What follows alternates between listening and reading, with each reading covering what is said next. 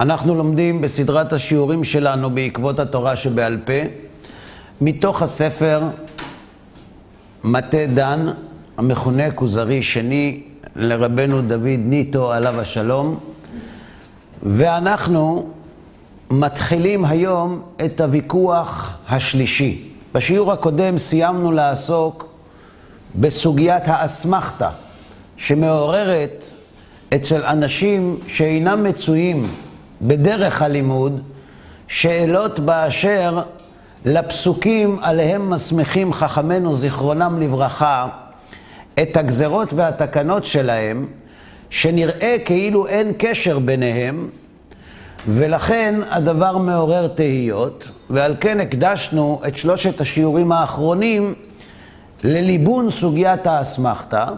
הבאנו את שיטת הרמב"ם והכוזרי, מולה את שיטת הריטב"א והמהר"ל, הסברנו את שתי השיטות, ובסופו של דבר הצגנו את המסקנה, ועתה אנחנו ניגשים אל הוויכוח השלישי, שעוסק באחד הנושאים היותר מטרידים ובוערים שמעסיקים את מי שנפגש זה עתה עם התורה שבעל פה, וזו סוגיית המחלוקות. מה המחלוקות יכולות לעורר במחשבתו של מי שנפגש זה עתה לראשונה עם התורה שבעל פה? למה שתהיה בעיה עם מחלוקות? למה שלא יהיו מחלוקות? יש שתי תורות. אה? יש כאילו שתי תורות, שתי דרכים, כל אחד עושה כאילו מה לי. תן משהו קו אחיד. אתה מצפה שתורה תהיה אחידה ואמיתית וישרה, בלי פניות. כלומר, אנחנו מצפים מחוק שניתן על ידי הבורא לעם ישראל להיות חוק אחד. אנחנו עם אחד, וצריכה להיות לנו תורה אחת. ואם יש מחלוקות, זה לא מתאים לתורת השם שיהיו בה מחלוקות. מה עוד?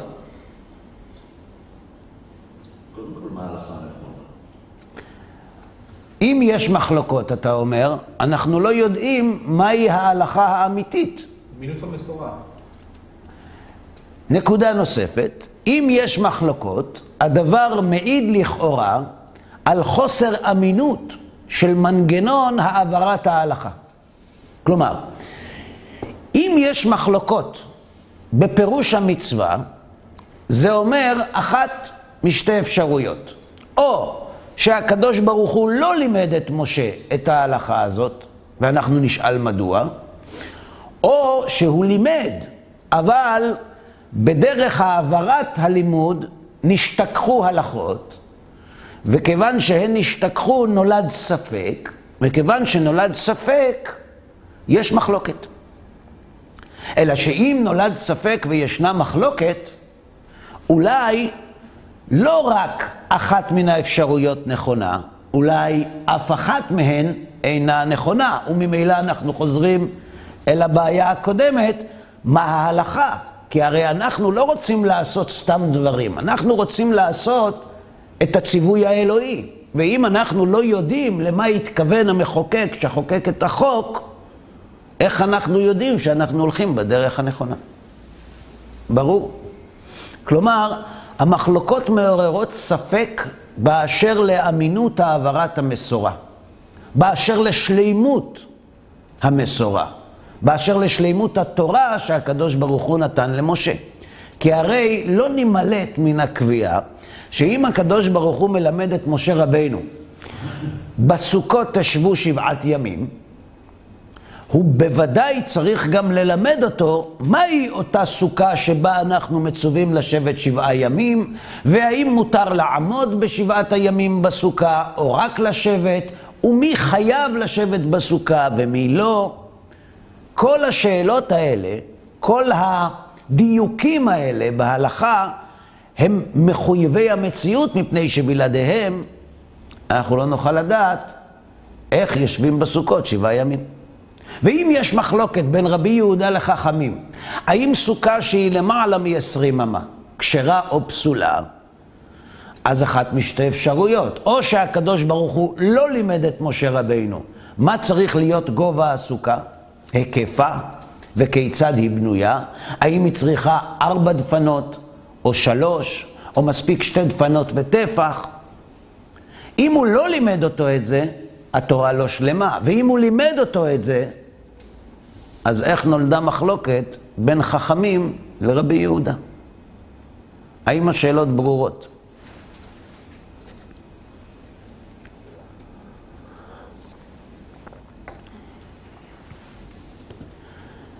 כותב רב, רבי דוד ניטו בוויכוח שלישי, אמר הכוזרי.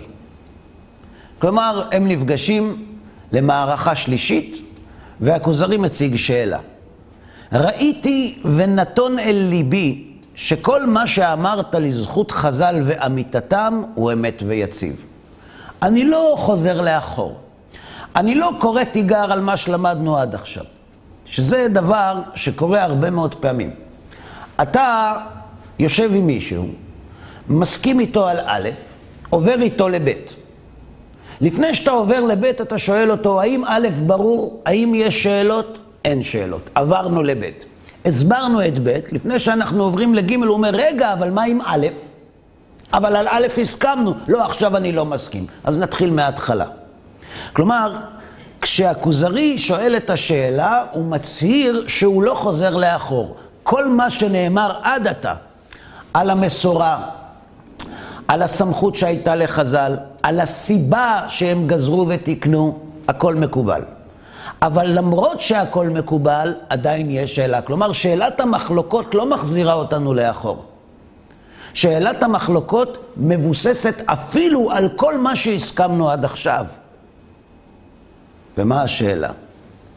עדיין, אמנם עדיין יש מקום למכחישים לרדות, שהרי יאמרו, דאם איתה, אם תאמר שכל דברי חז"ל הם קבלה, כלומר שכל מה שחז"ל מלמדים הם מקבלים במסורה ומעבירים, משה קיבל תורה מסיני ומסרה ליהושע ויהושע לזקנים, איך ראינו אותם חולקים מן הקצה אל הקצה?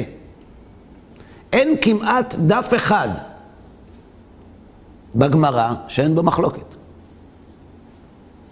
זה מכשיר וזה פוסל, זה מטהר וזה מטמא, זה אוסר וזה מתיר, זה מחייב וזה פותר. בסוף דבר זה, ובסוף דבר, זה אומר בכו וזה אומר בכו. ויש גם מחלוקות שלא מוכרעות. זה יכול להיות. רב ושמואל. אביי ורבא, רבא ורבי יוסף. כל כך הרבה חולקים, בית שמאי ובית הלל. איך, איך, איך קורה דבר כזה? אני, אני לא מבין. גם הטיעונים שלהם מאוד הגיוניים וחזקים, גם זה וגם זה, זה מאוד... אה, טיעונים של מי? בעלי. טוב, עכשיו אתה שואל שאלה אחרת, אתה שואל, אוקיי, נגיד שיש מחלוקת וזה הוא מסביר. טוב, אבל הצדדים הם כל כך שקולים, שאיך יש דרך להכריע? זו שאלה אחרת. אבל יש כאן שאלה עצומה.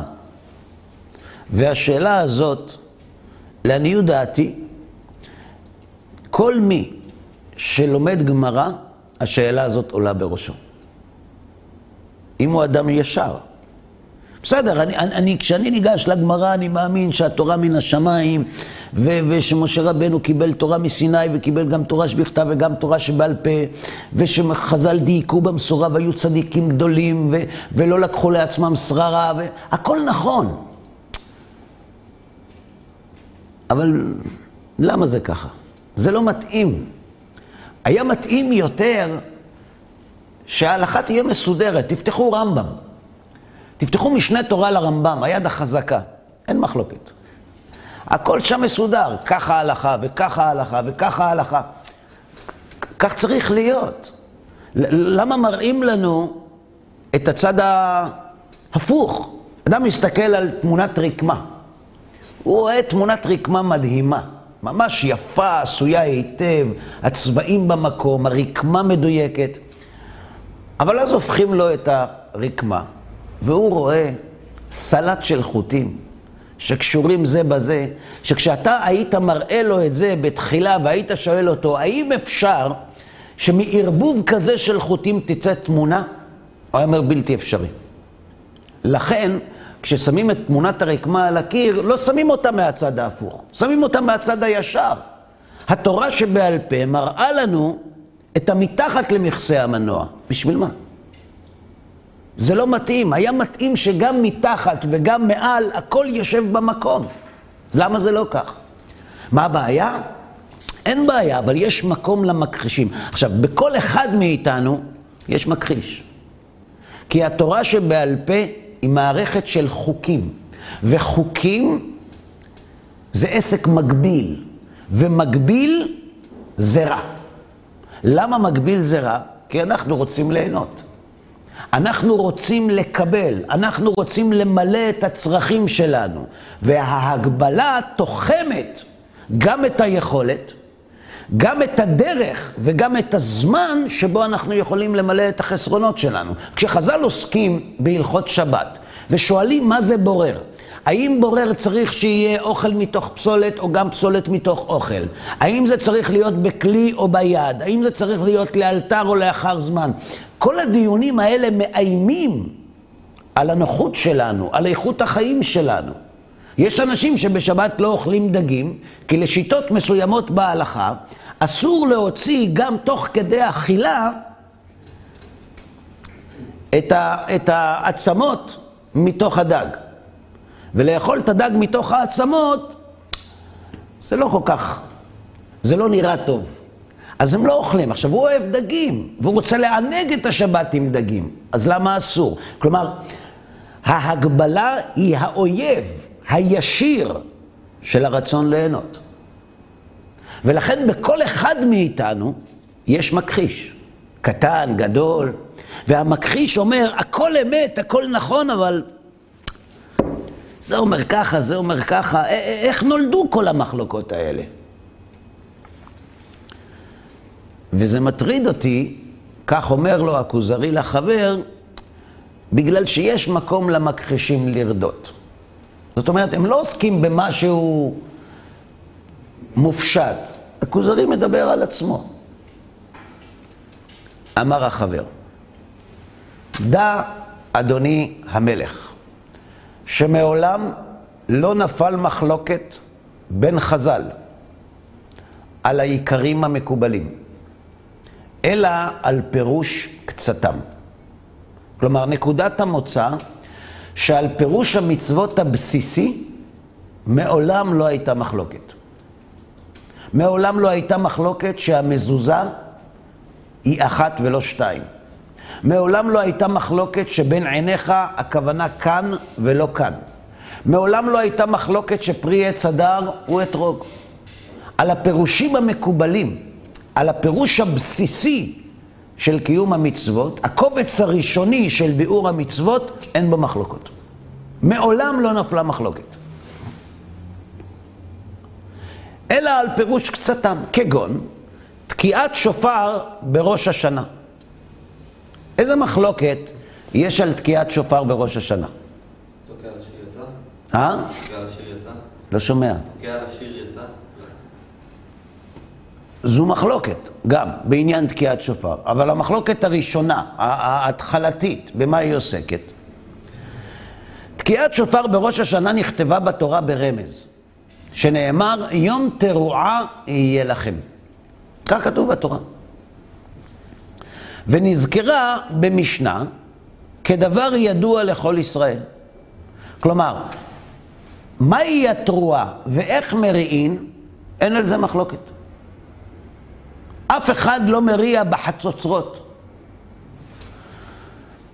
נזכרה, במש... נכתבה במשנה, זאת אומרת, למדנו את זה כבר באחד השיעורים הקודמים, כדבר ידוע לכל ישראל. איך אנחנו יודעים שזה הדבר ידוע לכל ישראל? כי כשרבי יהודה הנשיא כותב את המשנה, הוא אומר, כל השופרות כשרים חוץ משל פרה. רגע, זה יפה שכל השופרות כשרים, אבל מי אמר שתוקעים בשופר? אולי זה בחצוצרה, אולי בקרן. מי, מי אמר שזה בשופר? הקרן לא התכוונתי קרן של פרה, כן? איך אנחנו יודעים במה תוקעים? כולם יודעים, אומר רבי יהודה הנשיא, אני לא צריך להביא מקורות, כולם יודעים שהתקיעה היא בשופר. ולכן הוא אומר בצורה פשטנית, כל השופרות כשרים לתקיעת שופר, חוץ משל פרה. ואף על גב שנאמרה תקיעה ותרועה בחצוצרות, מעולם לא עלה על לב איש ישראל לומר שתרועה של ראש השנה תיעשה בחצוצרות או בכלי אחר שלא יהיה שופר. אם תשאל אותי, רגע, מה אתה מתלהב כל כך? תקיעה זה בשופר, למה שנחשוב אחרת? התשובה היא, בתורה כתוב, ותקעתם בחצוצרות, נכון? וכשיוצאים למלחמה, תוקעים בחצוצרות, וכשאוספים את הנציאים, תוקעים בחצוצרות. אז כל התורה כולה עוסקת בתקיעת חצוצרות. אבל כשעוסקים ביום תרועה יהיה לכם, אף אחד לא פוצה פה ומצפצף. כולם מסכימים שהתרועה שנאמרה בראש השנה לא קשורה לחצוצרות, אלא לשופר. אז על מה הוויכוח? איזה שופר כשר ואיזה לא כשר, אבל על העובדה שהתרועה של ראש השנה היא בשופר ולא בחצוצרה, אין חולק. למרות שחצוצרה זה יפה. וכן בפרק שלישי של מסכת סוכה, שהוא מזכיר את האתרוג כדבר ידוע, אף על פי שלא מצינו בתורה אלא פרי עץ אדם. דתנן, רבי ישמעאל אומר, שלושה הדסים, שתי ערבות, לולב אחד ואתרוג אחד. כלומר, רבי ישמעאל אומר, מה הם ארבעת המינים?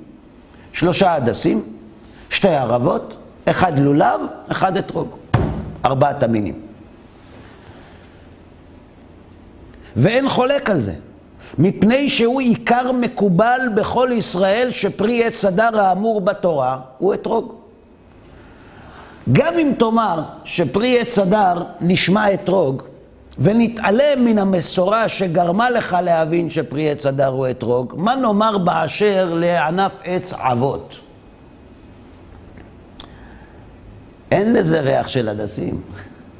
מאיפה ענף עץ אבות הפך להדסים, ואין חולק, כולם מסכימים שענף עץ אבות זה הדס, ושפרי עץ הדר זה אתרוג, למרות זה לא כתוב בתורה. והמכחיש זה, מי שאומר שפרי עץ הדר הוא לא אתרוג, או מי שאומר שענף עץ אבות זה לא הדס, והמכחיש זה כאילו מכחיש בתורת משה, וכן בשופר. אם יבוא אדם ויאמר, התקיעה בראש השנה, מה שנאמר עליו בתורה, יום תרועה הוא בחצוצרות ולא בשופר, הוא מכחיש את תורת משה. אמנם, אז על מה יש מחלוקת? המחלוקת היא על פירוש קצת העיקר. כגון, רבי יוסי, שמכשיר של פרה. רבי יהודה הנשיא אומר, כל השופרות כשרים, חוץ משל פרה, רבי יוסי מכשיר של פרה. גם רבי יוסי מסכים שהתקיעה צריכה להיות בקרן, דהיינו בשופר. אה, איזה קרן? כל השופרות כולל של פרה. ורבי יהודה אומר, לא, כל השופרות כשרים חוץ משל פרה. על מה הוויכוח בין רבי יהודה לבין רבי יוסי? על השאלה האם התקיעה האמורה בתורה היא בשופר או בחצוצרה? לא. השאלה היא על פרטי העיקר, דהיינו, האם אפשר לתקוע גם בקרן של פרה או מחריגים קרן של פרה בגלל שזה מזכיר את חטא העגל ואין קטגור נעשה סנגור. על זה הוויכוח. שרבי יוסי מכשיר בשל פרה, שסובר שגם הוא בכלל שופר, והמחלוקת הזאת אינה נוגעת בעיקר בשום פנים, וכן ענף עץ אבות. כולה עלמא לא פליגי שהוא הדס. אין מחלוקת שפרי עץ אבות זה הדס, מפני שזה עיקר מקובל, אבל יחלקו אם צריך שיהיה שלם או לא אכפת לן, אם אפילו שלושתם כתומים, כתומים הכוונה לא צבע כתום, כתומים בטית, וזו אינה מחלוקת בעיקר המקובל כלל. כלומר, אין מחלוקת שהדסים זה חלק מארבעת המינים. מה הגודל שלהם? אם נקטם ראשו או לא, אם יש עליו פירות או לא, האם כשר או פסול, בפרטי העיקר יש מחלוקת. עדיין אין לנו תשובה לשאלה ששאלנו. אנחנו קודם כל בונים את היסוד. כי לכאורה גם על זה אפשר לשאול. רגע, אז מה השם אמר למשה כשהוא אמר לו הדסים? הוא אמר לו רק הדסים וזהו? רגע, וגדול, קטן, לא אמר לו? למה לא? כן אמר לו? למה יש מחלוקת? אבל קודם כל, עובדתית, אומר החבר לכוזרי, בוא נתחום את גבולות השאלה. השאלה שלך על המחלוקות קוראת תיגר על אמינות העברת המסורה. אז בוא נחריג מהעברת המסורה קודם כל את הפירושים המקובלים. אין מחלוקות לאורך כל התורה לגבי הפירושים המקובלים, כגון שפרי עץ הדר הוא אתרוג, שענף עץ אבות זה הדס, ושהתקיעה בראש השנה היא בקרן ולא בחצוצרה. והמחלוקת הזאת אינה נוגעת בעיקר בשום פנים, וכן בענף עץ אבות כולי עלמא לא פליגי שהוא הדס מפני שזה עיקר מקובל, אבל יחלקו אם צריך שיהיה אחד שלם לפחות, או לא אכפת לנו אם אפילו שלושתם כתומים, וזו אינה מחלוקת בעיקר המקובל כלל. למה הוא עושה את זה? ברור, כי גם הפרטים באותה רמה של אמינות, לא... יפה. אתה מעלה את השאלה, אתה מרחיב את השאלה ששאלנו לפני רגע. מה זה משנה אם חלק כן עבר וחלק לא עבר? מה ההבדל בין פרטי המצווה לבין עיקר המצווה? אם יש לך את עיקר המצווה ואין לך את פרטי המצווה, מה הועילה עיקר המצווה? זו השאלה? תשובה. האם אנחנו מסכימים שפרי עץ הדר הוא אתרוג? כן. האם הייתה מחלוקת האם פרי עץ הדר הוא אתרוג? האם אנחנו יודעים במה תוקעים בראש השנה? האם אנחנו יודעים שהתקיעה בראש השנה היא בניגוד למה שכתוב בתורה והיא בשופר? כן. יש לי שאלה. איך אין בזה מחלוקת? זה מצוות מאוד מעשיות, שמדי שנה זה חוזר על עצמו, זה לא משהו שהוא, אז יודעים מה קורה, שתראה מה היה שנה שעברה. דברים שהם יותר תדירות נמוכה, אז... אז אתה מחזק את טענתי. כלומר, אנחנו רואים שהיהודים יודעים לשמור על המסורת. מסורת שהתדירה, כן. כן, כן. התדירה. יודעים לשמור עליה? אפשר לראות את הדוגמאות גם שלו, נגיד התפילין של רבנו תם? אנחנו נגיע לתפילין של רבנו תם. אנחנו גם נגיע למחלוקת של תקנת רבי אבאו בתקיעת שופר. אנחנו נגיע להכל, אל תדאג, אנחנו לא נשאיר אבן אחת שלא הפכנו. אבל על השאלה שלי בבקשה תענה. האם במשך 3,300 שנה העם היהודי הצליח לשמר את הקביעה שפרי עץ הדר הוא אתרוג? כן. האם במשך שלושת אלפים שנה העם היהודי הצליח לשמר את הקביעה שהתקיעה בראש השנה היא בשופר, ושענף עץ אבות הוא הדס? הצליח או לא? אלא שאין בעל הנס מכיר בניסו. האם אתה מכיר אח ורע בעולם כולו למערכת חוקים מסובכת שעוברת מדור לדור 3,331 שנים, ויש דיוק ואין קורא תיגר, לא בתימן, לא בבולגריה, לא במרוקו ולא באשכנז, על כך שפרי עץ הדר הוא אתרוג. זה לא דבר שקורה סתם. זה דבר שקורה על ידי כך ששמירת המסורת היא אחד הדברים היותר חשובים בחייו של היהודי. וכיוון שהיא כל כך חשובה, הוא תמיד לוקח אותה איתו ושומר עליה. כשאדם צריך לברוח מהבית, מה הוא זורק למזוודה? את הכי חשוב. כלומר, אם עם ישראל הצליח 3,331 שנים לשמור בצורה מדויקת על עיקרי המצווה, זה אומר שהעם היהודי מבין בשימור המסורה. זה רק מחזק את הקושייה, יש לנו אני לא ביקשתי שתוסיף, ביקשתי שתענה לי האם הניתוח שלי הוא נכון. הוא נכון. וכאן מתעוררת שאלה. אם התלמיד בכל המבחנים מוציא 30-40,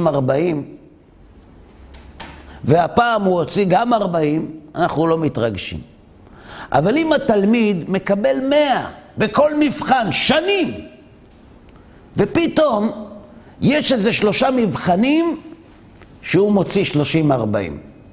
מה המסקנה שהמורה מסיק. שהתלמיד טיפש? לא.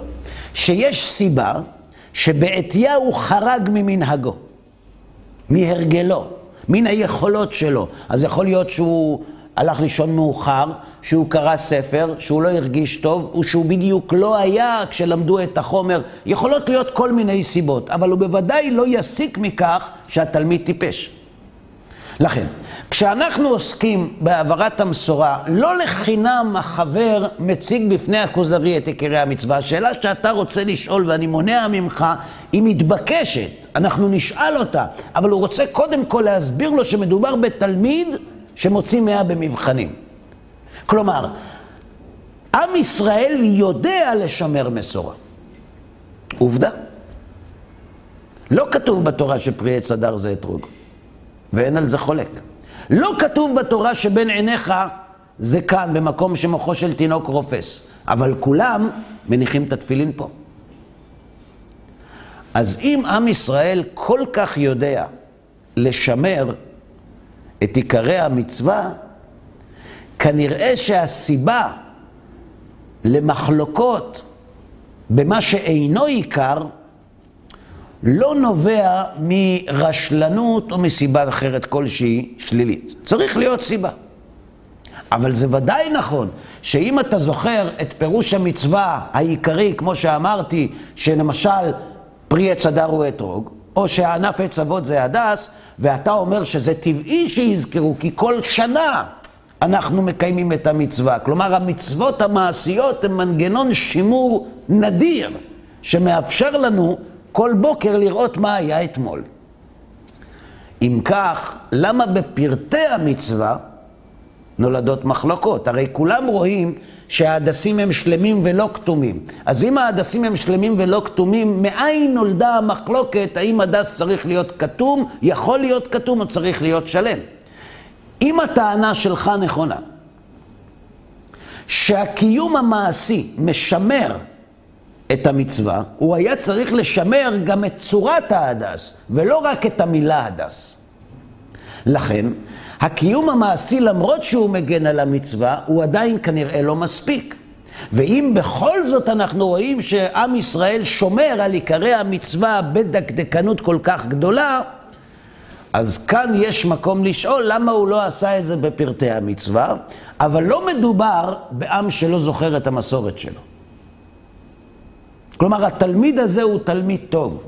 יש לו תקלה, צריך לבדוק למה היא קרתה. ברור?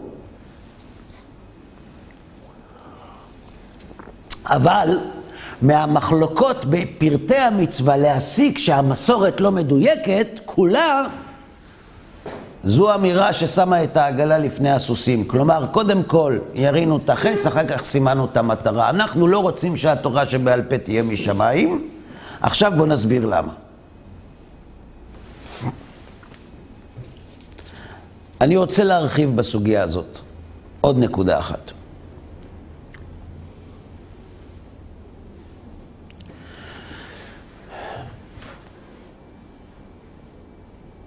יש אנשים שכאשר מתעוררים להם ספקות, או כשהם מגלים סתירות בתורה, הם מחליטים שהתורה לא מהשמיים. ויש אנשים שכשהם מגלים סתירות בתורה, הם נשארים עם סתירות, אבל הם לא מגיעים למסקנה שהתורה לא משמיים. איך זה קורה? אה? תשובה. הגיעו אליי שלושה בחורים מישיבה תיכונית, ואמרו לי שיש להם שאלות על התורה, מצאו רשימה, הם באו עם מחברת של סתירות שהם מצאו, דברי הימים, נביאים, כל מיני, בתורה עצמה, והם אמרו לי, תראה, אנחנו מצאנו סתירות בתורה. ו... אם לא תענה לנו ולא תניח את דעתנו, אנחנו עוזבים את הישיבה. איימו עליי. אני לא אוהב שמאיימים עליי. אז עניתי להם כך. אמרתי להם, מבחינתי אתם יכולים לעזוב את הישיבה. אתם לא מפחידים אותי שאתם עומדים לעזוב את הישיבה. אבל לפני שאתם עוזבים את הישיבה, תרשו לי להגיד לכם למה אתם עוזבים את הישיבה. וזה לא בגלל הסתירות. הנה, הנה, עוד אחד שמנסה להגיד שיש לנו יצר הרע. אמרתי להם, לא, זה לא קשור ליצר הרע. זה קשור לשכל, לא ללב. האם תורת ישראל מן השמיים? כן או לא? אם אתם לא יודעים, אז צריך לבדוק האם התורה מן השמיים. אם אתם יודעים שלא, אז אפילו אם אין בה סתירות, היא לא. ואם אתם יודעים שכן, אפילו אם יש בה סתירות, היא כן. עכשיו, מה אתם יודעים? כלומר, אם אנחנו יוצאים מנקודה שתורת ישראל ניתנה מן השמיים, יש לנו ההוכחות להוכיח לעצמנו. אני, אני לא כרגע שואל, אפשר לראות, אני השתכנעתי תורת ישראל מן השמיים, יש לי הוכחות. אבל עכשיו אני מוצא סתירות.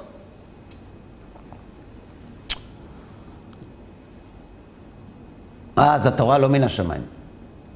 זה נשמע לכם מהלך הגיוני, לוגי? לא. אם אתה אומר, התורה לא מן השמיים, עכשיו בוא נקרא אותה. שמע, ספר מעניין, ממש מרתק, אפילו טעות אחת אין בו.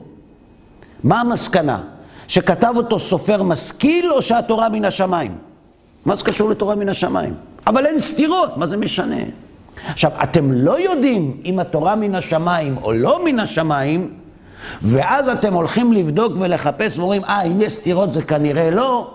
במקום להשיב על הסתירות ולהחזיר אתכם לספק האם התורה מן השמיים או לא, בואו נבדוק אם ניתן להוכיח שהתורה מן השמיים. אם נוכיח שהתורה מן השמיים, ולא עניתי לכם על הסתירות שמצאתם, אתם נשארים בישיבה, עם הסתירות. ואם לא הוכחתי לכם שהתורה מן השמיים, ויש לכם ספק, אין טעם שתישארו בישיבה אפילו בלי סתירות. לכן הדיון בינינו עתה לא מתנהל באשר לסתירות שיש בתורה או לא, אלא באשר לשאלה האם התורה מן השמיים. אם תרצו, נעסוק בזה. כלומר, הגישה שהאדם ניגש לבדיקת הדברים זה לא סמנטיקה, זה לא עניין של ניסוחים, זה מהותי. אם אתה ניגש מתוך התבוננות של תורה מן השמיים, גם אם יהיו לך שאלות ויהיו לך סתירות, תחיה איתן. ואם אתה ניגש עם הקביעה שהתורה לא מן השמיים, אלא אם כן יוכח אחרת, אתה לא צריך סתירות. הספר של לב טולסטוי, מלחמה ושלום, אין בו סתירות. טולסטוי מאוד לא יאהב אם נגזול ממנו את הבעלות על מלחמה ושלום ונאמר שהאלוה נתן את זה למשה בסיני. איך הגעתי לזה? פשוט, אין סתירות. זה לא רציני. לכן צריך לבדוק, קודם כל, האם תורה מן השמיים. למה הוויכוח על המחלוקות מגיע בוויכוח השלישי? למה הוא לא מתחיל בהתחלה? הרי המחלוקות זה, זה המנה העיקרית, תתחיל משם. לא. אומר החבר לכוזרי, קודם כל בוא נוכיח שהתורה שבעל פה מן השמיים. ואת זה הוא עושה בוויכוח הראשון ובוויכוח השני. שאי אפשר לתורה שבכתב בלי תורה שבעל פה, ומביא הרבה דוגמאות, ולמדנו אותן. הגענו למסקנה שהתורה מן השמיים?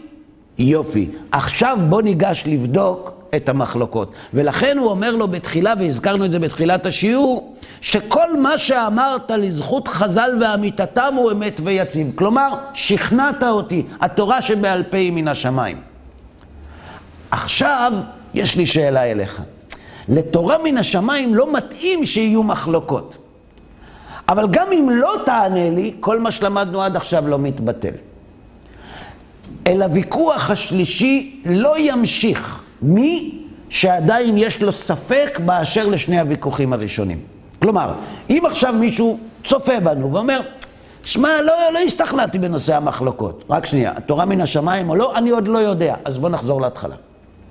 בוא נגיע לוודאות שחייבת להיות תורה בעל פה. בוא נגיע לוודאות שחז"ל לא המציאו דברים מדעתם, ולא ביקשו להשתרר על הציבור ולהרחיב גבול לממשלתם. הגענו לזה? עכשיו בואו נדבר על מחלוקות. מאוד חשוב לברר עם השואל מהי נקודת המוצא שלו. ולא מספיק שהוא יאמר לך, אתה יודע מה, לצורך הדיון, בוא נניח. כשאנחנו עוסקים למשל בסוגיית צדיק ורע לו. סוגיית צדיק ורע לו, רשע וטוב לו, היא סוגיה שאם יסודות האמונה היהודית לא מקובלים על השואל, השאלה לא מתחילה. היה פעם איזה פרופסור שערך באוניברסיטת תל אביב סימפוזיון על שתיקת האלוהים בשואה. הבעיה עם הפרופסור הזה, שבכל מיקרופון שהיו פותחים לו, עוד לפני שהוא היה אומר איך קוראים לו, הוא היה אומר שהוא לא מאמין באלוהים. אז אני שלחתי לו מכתב.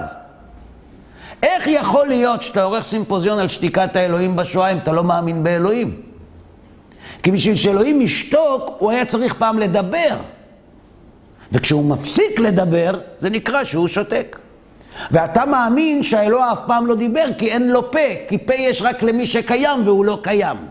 אז אם האלוה לא קיים, למה אתה מנצל את השואה כדי למשוך אנשים להחזיק באמונה שלך?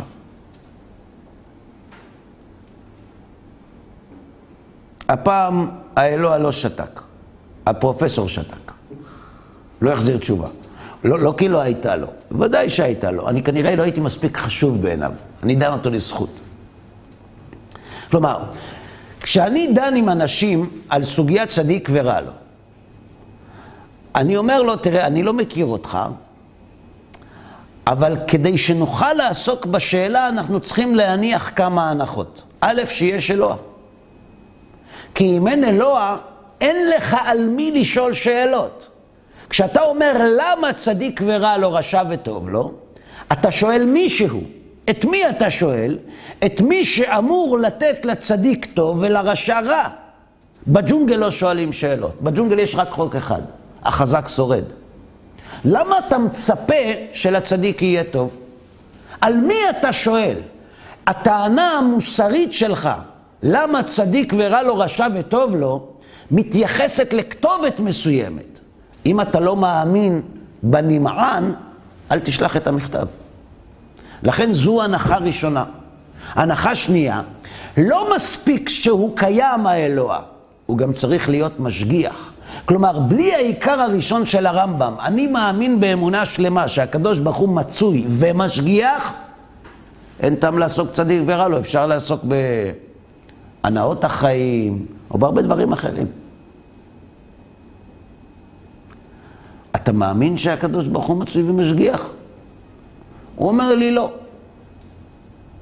אז אני אומר, אוקיי, אז בוא נניח שאתה מאמין, ונניח שאתה מאמין בהשגחה פרטית גם, ועל הנניח הזה בוא נדון. למה נדון?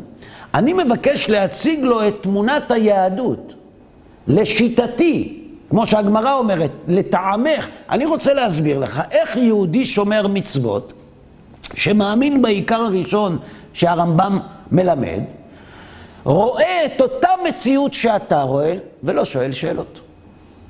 האדמו"ר מקלויזנבורג, הרבי מצאנז, רבי יקותיאל אלברשטם, זכר צדיק וקדוש לברכה, הוא איבד את 11 ילדיו, את אשתו ואת חבריו ואת תלמידיו בשואה. והוא עבר, הוא היה בבירקנאו, והוא היה בפינוי גטו ורשה, הוא ראה את חורבנו של העם היהודי בצורה ברורה ומדויקת, לא פחות מאחרים. כשהוא הגיע לארץ, הוא הקים מחדש את חסידות סאנז, בנה את בית חולים לניאדו, ייסד את מפעל הש"ס, הפך את העולם. למה הוא לא בחר להפסיק להאמין? הרי היו אנשים שבחרו. אני בטוח שהוא ידע מזה. איך אני יודע? כי כאשר לקחו יהודי מבירקנאו לפנות את הריסות גטו ורשה אחרי כניעתו, לא נשאר מגטו ורשה כלום. החריבו את כולו, והביאו יהודים שאינם דוברי פולנית לפנות את הגטו. והוא היה ביניהם. ומסופר עליו שבערב חג השבועות, כשהם עמדו על הריסות גטו ורשה ועסקו בפינוי ההריסות, שאין לך דבר, זאת אומרת, אתה רואה את יהדות פולין בחורבנה הסופי, אתה רואה את חורבן הגטו שבו נחרב העם היהודי בפולין, והיהודים צריכים לפנות את החורבן של היהודים שנרצחו שם. אין, אין, אין שאול תחתייה עמוקה מזאת. ועל חורבות גטו ורשה עומדים שני אנשים, הרבי מקלויזנבורג ויהודי שנלקח יחד איתו מבירקנאו, והוא ידע, אותו יהודי, שהאיש הזה, הרב הזה שעומד לידו, הוא גדול מאוד בתורה. אז הוא שואל אותו, כבוד הרב, תסתכל, נחשבנו כצאן לטבח יובל. זו מחמאה לעומת מצבנו. כבוד הרב, מחר חג השבועות. האם גם מחר כבוד הרב יאמר, אתה בחרתנו מכל העמים בתפילה? לא משנה כרגע מה ענה לו האדמו"ר מקלויזנבורג. מה שמשנה זה שהרבי מקלויזנבורג ידע שיש אפשרות להגיע לכפירה בעקבות מה שרואים. והוא בחר לא לעשות את זה. למה? למה הוא בחר לא לעשות את זה? הוא לא היה חכם, הוא היה גאון. כלומר, כשאני עומד מול אדם שעוסק איתי בצדיק ורע לו, אני מסביר לו את עמדת היהדות באשר לצדיק ורע לו, רשע וטוב לו. יכול להיות שהוא לא מאמין ביסודות שעליהם היהדות בונה את התפיסה של צדיק ורע לו, אבל הוא מבין מה עמדת היהדות בנושא. כלומר, שאם א' וב' נכון, יש תשובה מסודרת על שאלת צדיק ורע לו. יכול להיות שהנחות היסוד שאני מניח איתו לא מקובלות עליו, אבל כדי להסביר לו אנחנו חייבים להסכים. זה באשר לצדיק ורע לו. באשר לתורה שבעל פה זה לא עובד ככה. באשר לתורה שבכתב זה גם לא עובד ככה. כי אם אתה אומר, נניח שהתורה שבעל פה מן השמיים, אבל אני לא מאמין, כשתגיע לנושא המחלוקות, הנניח ייעלם ותהיה בטוח שהיא לא משמיים. לכן, מה שצריך לעשות קודם כל, זה לבדוק האם אנחנו מסכימים שחייבת להיות תורה בעל פה מן השמיים. הסכמנו? לא הסכמנו? יש מחלקה. נלך למחלקה שם, נדון בזה. הסכמנו? עכשיו בוא נמשיך הלאה. עכשיו תשאל על מחלוקות. כן, בבקשה. מי שמכיר את מנגנון ההוכחות, אז בהחלט הוא לא אמור להיבהל, גם אם לכאורה הוא מוצא סתירות וכולי. מה, מה עושה בן אדם שנניח אה, לא מכיר את התורה וזה, והוא נתקל במחלוקות, בסתירות לכאורה, ואתה אומר לו את זה, אז הוא אומר, לא יכול להיות, כאילו... הוא, הוא, לא, הוא לא יכול להניח, קשה לו להניח, שיכול להיות משהו שייתן לו אמיתות, אם הוא נתקל ב... אני חוזר על שאלתך. אתה אומר, זה נכון ויפה לגבי מי שהוא אכן מאמין והכל בסדר. אבל אם אדם לא בטוח באשר לאמיתות התורה, או בטוח שאינה אמיתית, כשאתה... הוא, מנ... לא יודע, הוא לא יודע. כשאתה מנסה להסביר לו על הסתירות, הוא אומר, כן, אבל זה לא יכול להיות. זה לא יכול להיות שיש סתירות בספר... של הקדוש ברוך הוא. בסדר? זו השאלה? תשובה.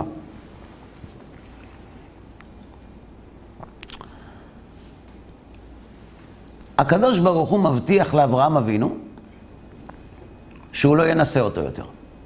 מתי? אחרי עקדת יצחק. אתה ידעתי, כי ירא אלוהים אתה. ואברהם מבקש ממנו שלא ינסה אותו יותר. והוא אומר לו שהוא לא ינסה אותו. וכשמגיע אברהם עם יצחק הביתה, הוא רואה ששרה נפטרה.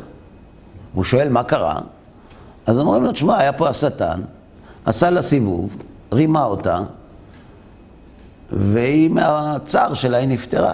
הוא אמר לה שאתה לקחת את יצחק כדי לשחוט אותו. הוא לא אמר שלא שחטת, כי היא כבר מתה.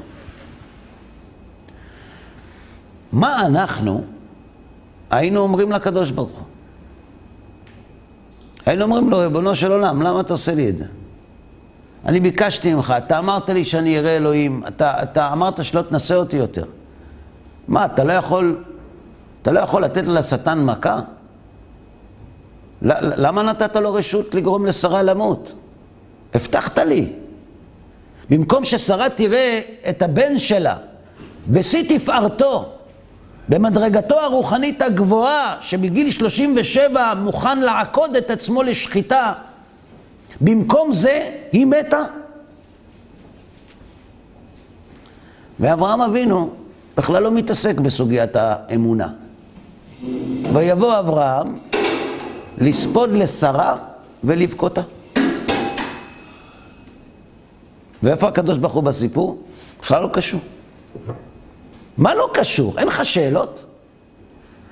גם יהודים מאמינים היו להם שאלות. גם אני, אני הכרתי, קרובי משפחה שלי, יהודים מאמינים באמונה שלמה בקדוש ברוך הוא. אבל בעקבות השואה היו להם שאלות. הם התגברו על השאלות, אבל היו להם. לאברהם אבינו אין שאלות.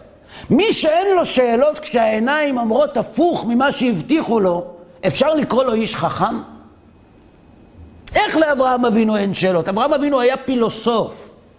אברהם אבינו הגיע להכרה שאי אפשר שהעולם נוצר מעצמו, ושהאלילים הם שקר בכוח החשיבה הפילוסופית שלו. מתי הוא זנח את הפילוסופיה? כשהוא פגש את הקדוש ברוך הוא, שהציץ עליו בעל הבירה.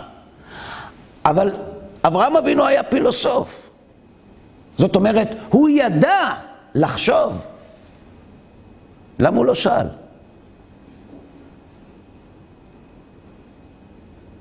אה? הוא נפגש איתו. למה הוא לא שאל? הוא לא שאל בגלל עקדת יצחק. אמר לו אברהם לקדוש ברוך הוא, גלוי וידוע לפניך, שאם הייתי שואל אותך לא היה לך מה להשיב לי.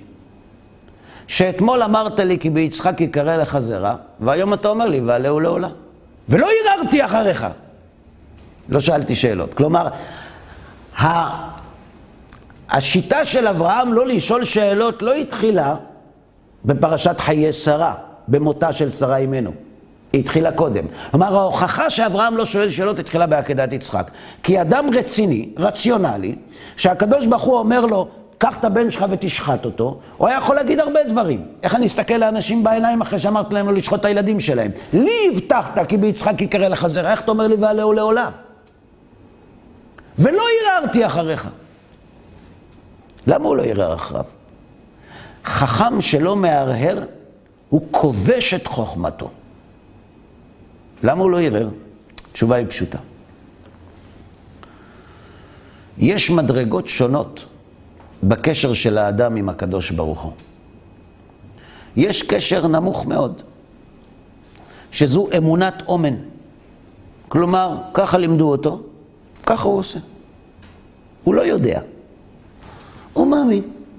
הוא גדל בבית דתי, אמרו לו שהקדוש ברוך הוא משגיח על העולם, ונו נו נו אם לא מברכים על האוכל, וליטול ידיים בבוקר, ואחר כך להניח תפילין ולשים ציצית וללמוד תורה, ונו נו נו. והוא גדל ככה. יש קומה נוספת. הקומה הגבוהה יותר זו הידיעה. אם יגידו לכם שאמונה פשוטה היא דרגה גבוהה יותר מידיעה, זה לא נכון. זה נכון, אבל זה לא נכון. נסביר. זה לא נכון, כי הידיעה היא מעבר לאמונה התמימה. פתי יאמין לכל דבר.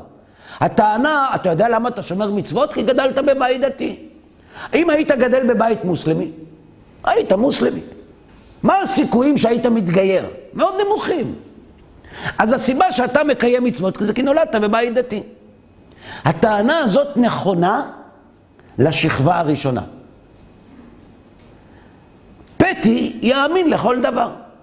הילד הוא פתי, הוא גדל בבית יהודי, הוא יהודי, הוא גדל בבית מוסלמי, הוא מוסלמי, הוא גדל בבית נוצרי, הוא נוצרי. אבל כשעולים לקומה השנייה של הידיעה, שם נולדת בבית דתי כבר לא אומר כלום. כי הבחינה של אמיתות המסורה קשורה לשכל. וידעת היום. כלומר, אדם מטפס מקומת האמונה התמימה אל האמונה שבאה בעקבות הידיעה, והידיעה מייצבת את האמונה שלו. כלומר, אני לא מאמין בגלל שגדלתי בבית דתי או בבית יהודי. אני נאמן לקדוש ברוך הוא כי אני יודע שהתורה היא אמת.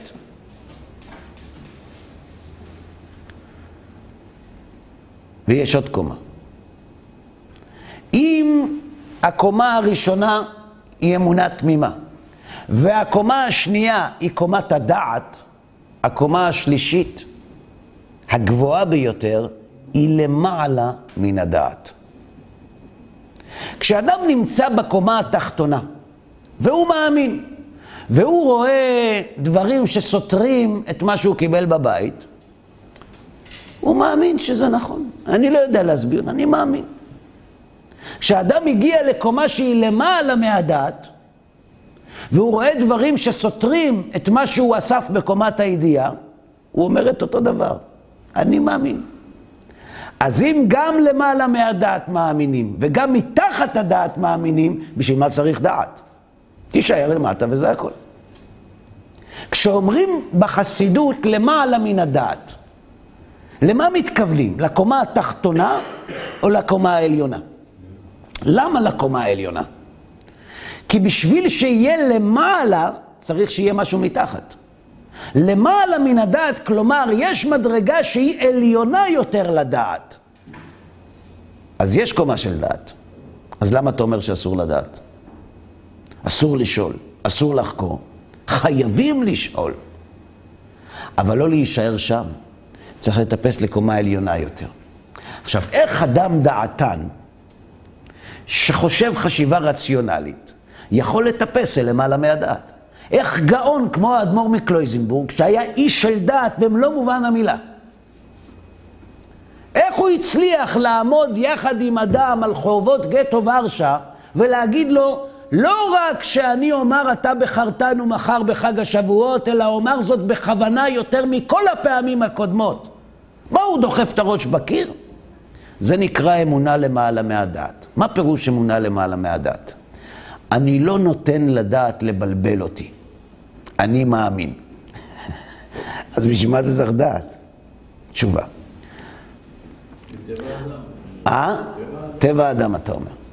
אם זה טבע האדם, אז למה רוב בני האדם היום לא מאמינים? לא יקבל את דעתם אולי. או, אז זה לא טבעי. יש מקומות שהחשיבה לא, אי אפשר אה, לקבל החלטה מכרעת ברמה חשיבתית. רגע, תרשו לי, תרשו לי. תרשו לי לסיים ואז תוכלו לשאול. המעבר בין הדעת אל למעלה מן הדעת נעשה מתוך הדעת. נסביר. זה לא שאדם לומד ויודע ואז הוא אומר, זהו, סיימתי, אני יודע, נזרוק את הדעת ונלך למעלה מהדעת. המעבר למעלה מן הדעת הוא מחויב מתוך הדעת. פירוש. נניח שאני מורה, ואני מלמד שיעור את התלמידים שלי, ואני אומר להם, זו כוס חד פעמית. השיעור הסתיים. כולם יוצאים להפסקה, ואז מתחילים שיעור ב'. בשיעור השני אני אומר להם, אתם רואים את זה? זו קופסה חד פעמית. השיעור הסתיים. מה התלמידים חושבים עליי? או ששכחתי מה אמרתי בשיעור הקודם, או שאני שקרן, ואני עובד עליהם ואומר להם משהו אחר, או שהתחרטתי, שלא שכחתי מה אמרתי בשיעור הקודם, אבל החלטתי לשנות דעתי מסיבות שונות. כי אם זה קופסה, משלמים על זה פחות מיסים מאשר על כוס. לא יודע. אבל מה יקרה אם בשיעור השלישי אני אגיד להם, אתם זוכרים שבשיעור הראשון אמרתי לכם שזה כוס? אתם זוכרים שבשיעור השני אמרתי לכם שזו קופסה? אין סתירה. מה יקרה לתלמידים באותו רגע? הם ידעו שאני לא שקרן, הם ידעו שלא שכחתי וגם שלא התחרטתי. האם הם הגיעו למסקנה הזאת מתוך הדעת או מתוך אמונה? דעת. לא יודעת. אברהם אבינו הכיר במציאות השם, בדעתו. כלומר, מציאות האלוה הייתה ברורה לאברהם אבינו. שאינו גוף ואינו דמות הגוף, והוא היה הווה ויהיה. כל ההגדרות שאנחנו מגדירים היום. ואז האלוה האינסופי הזה מדבר איתו, ואומר לו, כי ביצחק יקרא לך זרע. ואברהם שמח, כי אם האלוה מבטיח, הוא מקיים. ואז האלוה אומר לו, ועלהו לעולה. אז אברהם אומר, רגע, אתמול הוא אמר כי ביצחק יקרא לך זרע, והיום הוא אומר ועלהו לעולה. אולי הוא שכח? לא. למה לא? כי מבחינה פילוסופית, אני מבין שאין שכחה לפניו. כי השכחה תלויה בזמן, ואצל הבורא אין זמן. אז אם הבורא יודע עכשיו, הוא יודע גם בעוד מיליון שנה. אין אצלו שכחה, אז הוא לא שכח. זאת אומרת, הוא זוכר, כשהוא אומר לי לקחת את יצחק לעקדה, הוא זוכר שהוא אמר כי ביצחק יקרא לך זרע. אז אולי חס ושלום הוא... הוא משקר? אי אפשר שהוא משקר. למה אי אפשר שהוא משקר? כי מי משקר? החסר משקר. למה החסר משקר? כי השקר הוא כלי שבעזרתו החסר רוצה או לא לשלם על מה שעשה, או לקבל תמורה על מה שלא עשה. כלומר, החסר משתמש בשקר כי הוא חלש. החזק לא צריך לשקר. ואם האלוה הוא אין סוף והוא אינו חסר, אי אפשר שהוא משקר. כי לא איש אל ויכזב. האדם מכזב, אבל הבורא אינו מכזב. אז הוא לא שיקר חלילה כשהוא אמר בהתחלה כי ביצחק יקרא לך זרע, הוא התכוון לזה. אבל הוא אומר לי ועלהו לעולה. אז אולי הוא יתחרט? אי אפשר שהוא יתחרט. למה אי אפשר? כי החרטה היא תולדה של אי ידיעת העתיד. הבטחתי, התחרטתי. אם הייתי יודע, בכולהון התחרט בהון. איך, איך מתירים נדר? אומרים לו, על דעת זה היית נודר? אה, לא? אז הנדר לא תקף. כלומר, החרטה היא תולדה של אי ידיעת העתיד. האם האלוה לא יודע את העתיד? אי אפשר שהאלוה לא יודע את העתיד. כלומר, כשהאלוה אמר לי כי ביצחק יקרא לך זרע, הוא כבר ראה את העקדה. אז הוא לא שכח, הוא לא שיקר, נכון? והוא לא התחרט. כי לא איש אל ויכזב, ולא אדם ויתנחם. אז אם הקדוש ברוך הוא לא שכח מה שהוא הבטיח, והוא לא שקרן, והוא לא מתחרט, אז נכון שאני לא מבין איך שני הפכים עולים בנושא אחד. אז למה שאני אשבור את הראש בזה? שהוא יטפל בזה. ולא הרהרתי אחריך.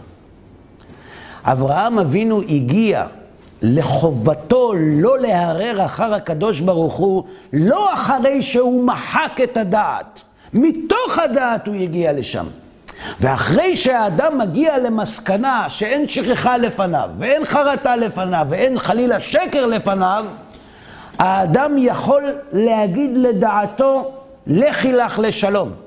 וגם אם כל המציאות תאמר את ההפך. אין לי שאלות. כשהאדמו"ר מקלויזנבורג אמר, מחר אני אומר, אתה בחרתנו יותר בכוונה, למה הוא התכוון? אם לא הייתי בטוח שיש בורא לעולם, יכול להיות שמראה עיניי היה מתעתע בי. אבל אני יודע שיש בורא לעולם. אני יודע שהוא אינסופי, אני יודע שהוא לא מתחרט, אני יודע שהוא לא משקר, אני יודע שהוא לא שוכח, ואם הוא אמר וייתם לי סגולה מכל העמים, כאילו הוא אומר את זה עכשיו. אבל אני רואה הפוך. בסדר? אבל הוא לא שכח, והוא גם לא שיקר. והוא גם לא יתחרט. לכן אני עולה אל קומת הלמעלה מן הדעת, ולא נותן לשאלות שעולות בתוך הדעת לבלבל אותי.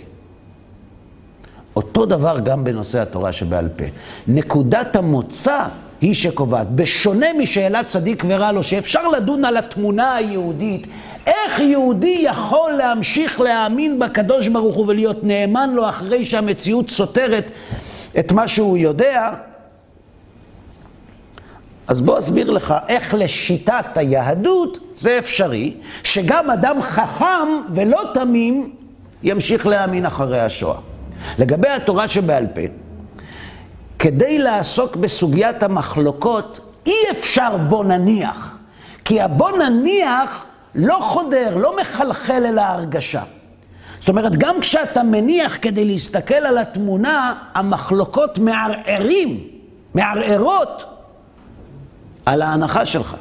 ואז אתה כבר לא אובייקטיבי. לכן קודם כל נעשה ויכוח אחד, ויכוח שני, אחרי שנוכיח, לא נניח, נוכיח שהתורה שבעל פה ניתנה מן השמיים, נדון בסוגיית המחלוקות. לכן ויכוח שלישי מגיע אחרי ויכוח שני וויכוח ראשון.